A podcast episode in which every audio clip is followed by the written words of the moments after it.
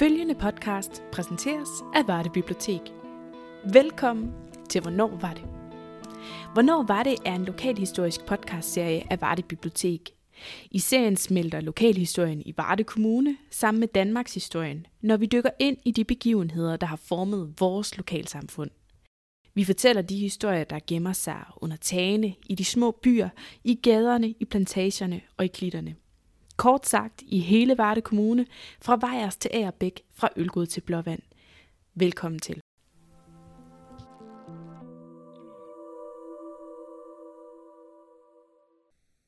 Episode 6. Byen, der forsvandt. Det kan være svært at forestille sig, at vores sydvestlige hjørne af Jylland har set anderledes ud, end det gør i dag. Men landskabet er foranderligt, og især hvis vi retter blikket mod Skallingen. For små 400 år siden eksisterede Skallingen slet ikke. I stedet strakte kystlinjen sig fra Blåvandshug, syd om Blåvand og Oksby og videre langs Ho Plantage til Nyeng, hvor den bøjede mod sydøst og fortsatte til Langli, der på det tidspunkt var en del af fastlandet. Og sydøst for Blåvandshug, på den gamle kystlinje, lå der et fiskerleje.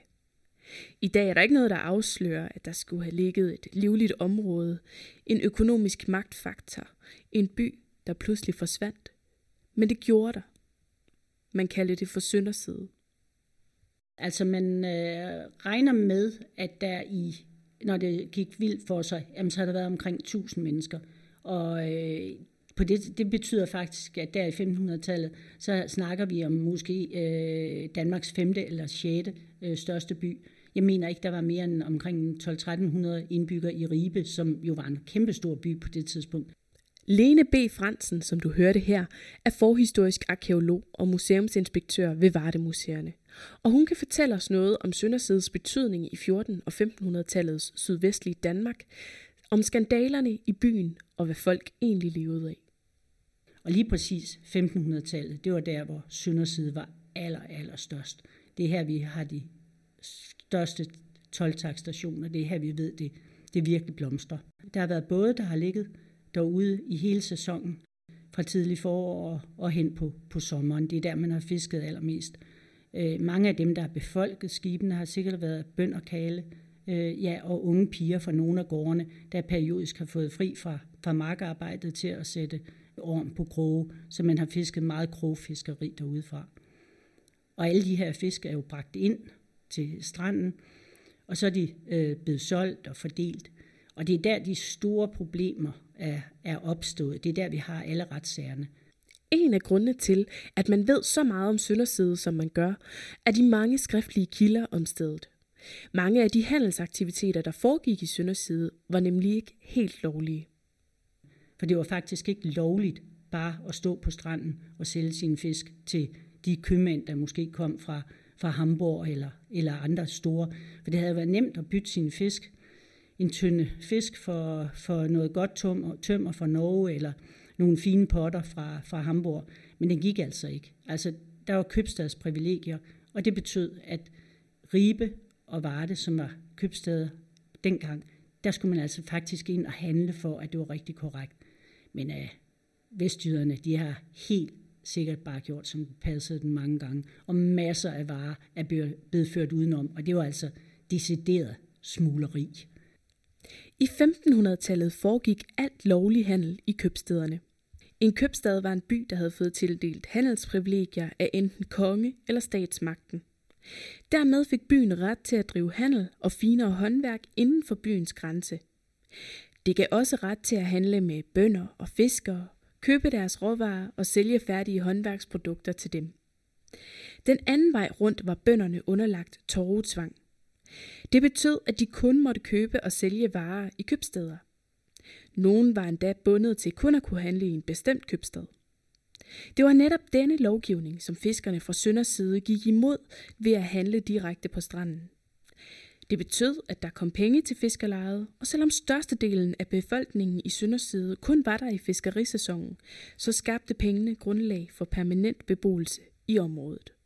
Der er nogen, der bor der permanent, og det er nok de færreste, når det kommer til stykket. Altså mange, det er de der kale og piger, der kommer fra oplandet, arbejder der i sæsonen, og så er der nogen. Men der er også nævnt, altså øh, en præst i, i nogle af kilderne, der er nævnt en skrædder og sådan noget. Så der har været nogle permanente håndværkere, der har været der. Og hvor der er penge, altså og handel, jamen der trækker der jo alt muligt til. Ikke? Så prostitution, horehuse er også nævnt, der er nævnt smugkroer. Så ja, der, der er foregået en hel masse øh, ting derude. Øh, der har været et par præster, der har prøvet at holde lidt styr på det, men øh, det lader ikke til, at det er gået lige godt altid. Der findes flere retsprotokoller, hvor vi kan se, at der har været et spændende leben i Sønderside. Der har været retssager om smugling, vold, gæld, og som det er typisk for tiden, har der også været anklager om trolddom og hekseri. Og vi har også en, en proces omkring Morten Nielsen, som var nok den rigeste øh, sejlskibber derude. Ikke? Han havde mange både, og det siges om ham, at han var en, en slem kal. Altså, der var faktisk ikke nogen, der kunne lide ham. Måske hans kone. Men ellers så lader det til, at han havde en retssag mod sin egen bror. Han havde retssager mod alle. Og på et tidspunkt så er der over 50 mænd, der stiller sig op og siger, at han er en troldkarl, øh, og han skal brændes. Øh, han stikker af på en af sine egne skibe, og vi hører faktisk ikke mere om ham. Konen får frataget en stor del af deres rigdom, og, og vi kan se, hvor mange huse og både de ejede. Men hun får lov at, og i hvert fald beholde så meget, at hun kan arbejde videre. Og, og hun klarer sig, så ganske fint, lader det til. Altså, hun får i løbet af nogle år en 3-4 skib på havet og, og fange fisk igen. Så hun har været en stærk kvinde. Øh, det er der ingen tvivl om. Sønderside var et driftigt område, og handlen, der kom derfra, lovlig og ulovlig, havde en stor økonomisk betydning for hele det sydvestjyske område. Især handlen med de udenlandske købmænd førte spændende varer til området, og det nåede købstederne Varde og Ribe også godt af. Altså, jeg tror, det har betydet, det har betydet rigtig, rigtig meget økonomisk. Altså, der er øh, dels også, at det tiltrækker alle de her øh, store øh, købmænd, øh, især fra Hamburg og, og Nederlandene og Friesland. De er heroppe for at hente fisk, som de kan sælge sydpå. Så det har jo betydet, at der også er kommet spændende varer herop. Så det har betydet meget økonomisk. Og, og, og det dykker jo. Altså helt klart, altså på et eller andet tidspunkt, altså så, så forsvinder forsvinder øh, Sønderside, og der kan vi simpelthen se, at, at der sker et, et økonomisk øh, dyk. Det er der ingen tvivl om. Det, den økonomi derude, den har bredt sig ind i, i hele området, og jo også til Ribe. Altså vi, vi ved, der er flere, der ejer øh, store øh, købmænd i Ribe, som ejer nogle af, af bådene i Sønderside, og de er også ejet af, af folk i Varde. Så det har ikke været, det har ikke kun været lokale, der har tjent på det her. Det, det har været stort.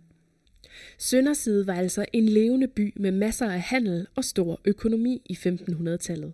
Så hvordan kunne den lige pludselig forsvinde? En skæbnesvanger efterårsstorm i oktober 1634 rummer en del af svaret. I 1634 der kommer der en kæmpe stormflod, øh, som mere eller mindre udsletter Sønderside. Øh, en meget, meget voldsom storm. Øh, den der drukner utrolig mange mennesker. Vi ved ikke præcist, hvor mange øh, liv den koster ude i Sønderside. Vi ved, at øh, nord for Tønder skal 600 mennesker have, have mistet livet, som er, der er skrevet om andre steder. Øh, den skyller ind, øh, og det får nogle følger i lang tid, fordi at øh, det bliver alt for vådt, og øh, boder og Øh, de der, der er faktisk mange derude, der også driver en lille bitte smule landbrug. Det vil sige, at de har nogle kålegårde og sådan noget. Og dem flytter de længere og længere op imod Ho. Og dem, der bor i Ho, som jo er almindelige bønder, de bliver faktisk ret sure. Altså, det er jo faktisk deres land, man begynder at tage. Men kystlinjen er jo rykket tilbage, ikke? og de skal jo, som der også står andre steder, have et sted at være. Så der kommer mange skamysler imellem øh, hovedborgerne. Men langsomt så forsvinder øh, Sønderside. Og det er ikke alene øh, stormflodens skyld. Stormfloden i oktober 1634 blev også kaldet for den anden store manddrukning. Den første store manddrukning fandt sted i 1362, og de overlevende sørgede for at bygge diger for at forsøge at forhindre de store stormfloder i at tage flere tusinde menneskeliv. Men digerne var ikke til synderlig hjælp i 1634. Vandet rejste sig 6 meter over sit normale niveau. I Ribe Domkirke, som ligger ca. 6 km fra kysten, kan man finde et mærke på muren ved 170 cm. Det var vandstanden i 1634, 6 km ind i landet. Man regner med, at mellem 10 og 15.000 mennesker blev dræbt af stormflodens haven langs den sydvestjyske kyst. Der findes redselsberetninger om sovende familier, der blev skyllet væk, lige af både mennesker og dyr i gaderne og ultimative ødelæggelser. Vandmasserne var så voldsomme, at landskabet blev forandret. Skallingen dukkede op af vandet, og Langli blev til en ø. Men selvom stormfloden i 1634 måske var et hårdt slag for Sønderside, så var der også andre faktorer, der havde indflydelse på, at Sønderside pludselig forsvandt.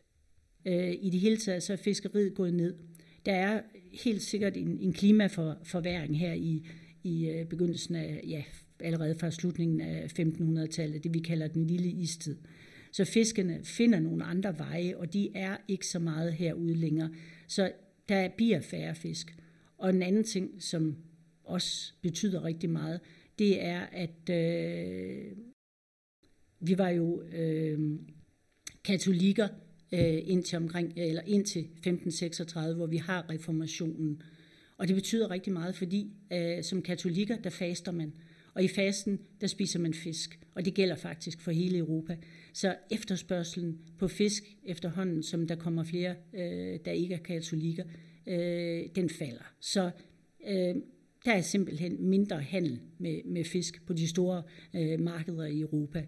Så det er nok en af de rigtig store grunde til, at, at Sønderside også forsvinder. Altså fiskeriets nedgang, stormfloden, øh, og så øh, ja, reformationen, den lille istid. Der, der er mange forklaringer til, at, at Sønderside sander til. Og så tror jeg også, at netop stormfloden, den ændrer et eller andet ved landskabet derude, som at blandt andet, at, at Langli bliver til en ø, men hele den rigtig gode havn, hvor de større skibe har kunne lægge til op omkring øh, Skallingkrog, øh, den, er, den sander til og forsvinder. Så øh, det bliver svært at lægge til, og ja, og så stopper det lige så stille og roligt, og sandet dækker lynhurtigt alle spor derude, og så er det bare væk. Danmark forandrer sig. Mange fiskelejre forsvinder i denne tid, og man satser i stedet på landbruget. Nu er det korn og kvæg, det gælder. Alt imens går Sønderside mere og mere i glemmebogen. Fiskerlejet gemmer sig som en forsvunden by under sandet, og der går lang tid. Der går faktisk mere end tre århundreder, før nogen begynder at interessere sig for fiskerlejet igen. I landskabet i dag er der stort set ingen spor. Vi kommer først på sporet af det i ja, 1990'erne på museet, øh, på Varde Museum. Der havde vi nogle potteskår, der lå i en gammel skuttersæske, hvor der stod sønderside på toppen af. Og det var faktisk den, jeg fandt frem og spekulerede over. Jamen, gud ved, om man kunne finde sønderside igen. Et andet startskud, det var så, at øh, vi skulle have, der skulle rejses noget mere skov øh, lidt op i, i plantagen. Øh, og vi var ude og lave en prøvegravning, fordi det hele skulle dybdepløjes.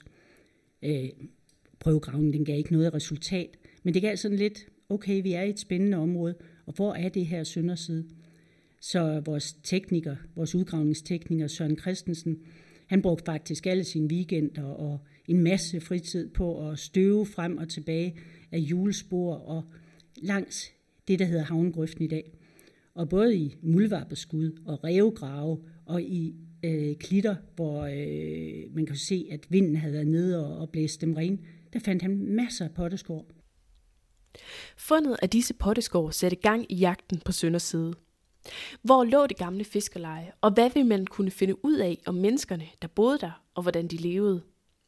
Formålet med en udgravning var forskning, og det var ikke lige let at finde midler til udgravningsarbejdet. Men i 1995 lykkedes det at få sat gang i nogle små udgravninger i området. Og der øh, fik vi nogle midler fra, fra Ribe Amt dengang.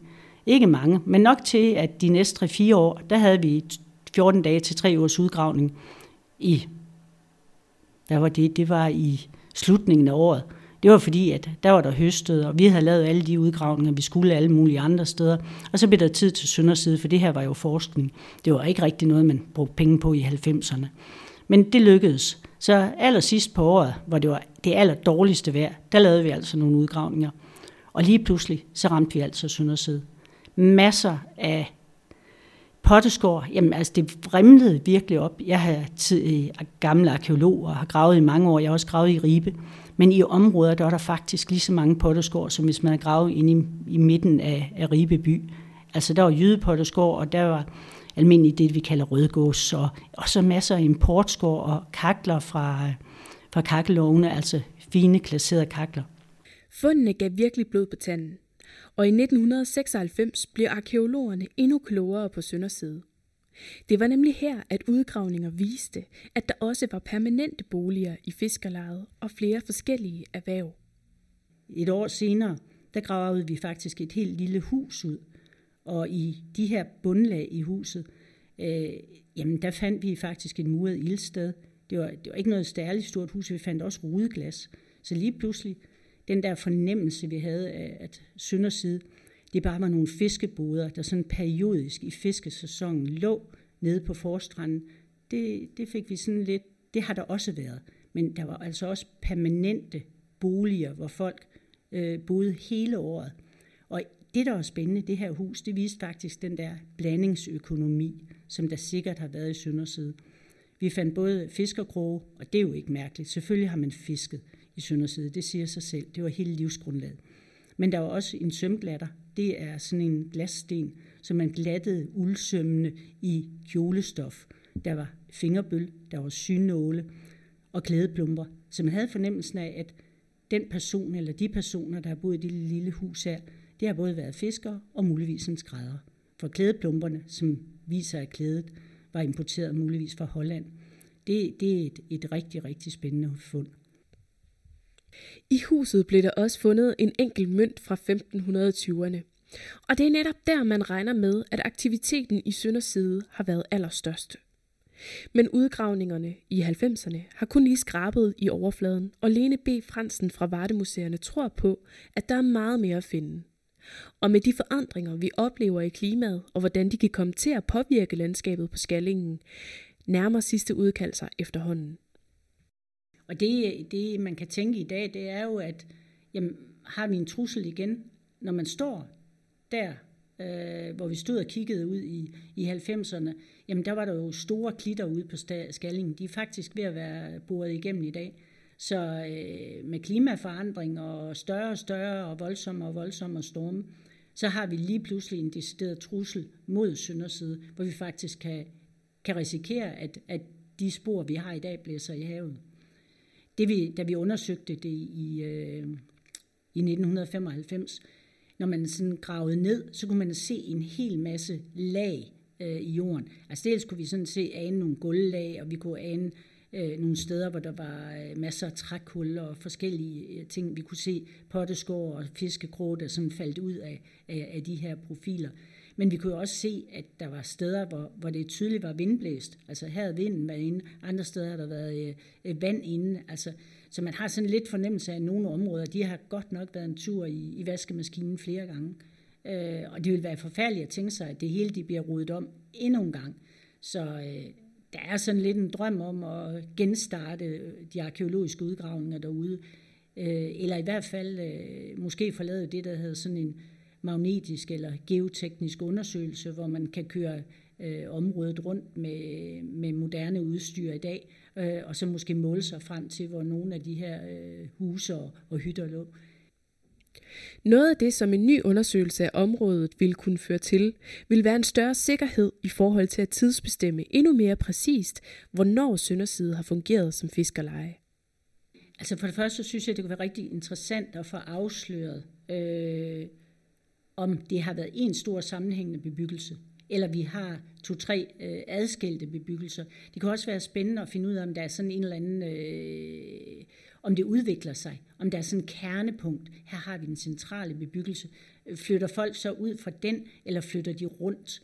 Og så også øh, især for dateret, Altså den her vage forestilling af, at det starter i 1400-tallet, og, og så ophører det i, i 1600-tallet. Vi har faktisk ikke ret meget daterende materiale. Det kunne være rigtig spændende at komme ned øh, og få gennemanalyseret de fund derude og finde ud af, om det måske er meget ældre, Måske er det startet i tidlig middelalder, måske allerede i vikingetiden. Altså, vi, vi ved virkelig ikke ret meget om, om dateringerne derude. En anden ting, det er, at der især på klimafronten sker der rigtig, rigtig meget. Øh, og jeg er blevet kontaktet af, af forskellige forskere, blandt andet en, der hedder Paul Holm fra, øh, fra Dublin, som arbejder med klima og, og fiskeri øh, igennem tiderne. Og han har en idé om, at man, hvis man får fat i fiskebenene derude, så kan se, øh, hvilken sammensætning er der på fiskene. Øh, hvad er det for nogle fisk, man fanger? Og så måske endda se, jamen, bliver de større eller mindre i løbet af den her periode, og, og hvordan ændrer bestanden sig. Så dengang vi gravede i 90'erne, der var jo ikke nogen, der tænkte på at, og solde, altså si lagene for, for fiskeben. Og jeg ved ikke engang, om de er bevaret derude. Men det var noget af det, jeg rigtig godt kunne tænke mig at vende tilbage til. Der er altså masser af ting, man kan blive klogere på i forhold til Sønderside og det samfund, der pludselig sandede til og forsvandt efter den voldsomme stormflod i 1634. I dag er Skallingen et af Danmarks vildeste og mest uberørte naturområder, og øen Langli er et fredet og ubeboet fuglereservat. Langs størstedelen af Vadehavet har man i dag havdiger, der beskytter mod de voldsomme stormfloder. Men Varde Å er faktisk det eneste større vadehavsvandløb, hvor udløbet ikke er reguleret med sluseporte eller diger. Det giver på den ene side nogle helt særlige naturforhold, og Varde Å er udpeget som EU-habitat, altså et naturområde, som skal bevares. Det skyldes blandt andet, at Varde Å er hjemsted for den totalt fredede fiskeart snablen og den ligeledes fredede flodperlemusling, der indtil for nylig var frygtet uddød. Sidst de blev set i åen er nemlig 48 år siden. Men lige for nylig har man fundet flere hundrede muslinger, der lever i bedste velgående i Varde Å. På den anden side er antallet af stormfloder med vandstande på mellem 2 til 3 meter over normalen mere end tredoblet de sidste fire årtier. Samtidig forudser FN's klimapanel, at vandstanden i havene vil stige de kommende 100 år, og der vil komme flere storme. Alle byer langs Vadehavet vil igen stå over for nye udfordringer for stormfloderne, og måske vil landskabet forandre sig endnu en gang. Så hvem ved, hvordan vores sydvestlige hjørne vil se ud bare 100 år fra nu? Du har lyttet til Hvornår var det? præsenteret af Varde Bibliotek. Podcasten er tilrettelagt af mig, anne Sofie Birknes, og redigeret af Asbjørn Skovs Ende. Musikken i podcasten er skrevet og indspillet af de dygtige talentelever fra Varde Musik- og Billedskole, Peter Schmidt, Sigurd Nilling, Liv T. Hansen og Sofie Lønborg. Stor tak til Lene B. Fransen fra Vardemuseerne for at fortælle om Sønderside og det arkeologiske arbejde på Skallingen. Hvis du vil vide mere om, hvornår var det, eller bibliotekets andre tilbud, så kan du se mere på vores hjemmeside www.vardebib.dk. Blandt andet kan du altid finde kataloget over bibliotekets mange arrangementer og tilbud online, eller finde inspiration til spændende læseoplevelser. Du kan også følge Varde Bibliotek på facebook.com-vardebib. Vi opdaterer løbende om de mange spændende aktiviteter i Varde Kommunes biblioteker. Hvis du vil hjælpe andre til at finde podcasten, så giv gerne, hvornår var det stjerner eller anmeldelser, eller fortæl din familie, dine historieinteresserede venner eller din nabo om, hvornår var det. Der kommer nyt afsnit den første i hver måned. Har du ris, ros eller idéer til lokale historier, du gerne vil høre mere om, så kan du altid skrive til mig på abia Tak fordi du lyttede med.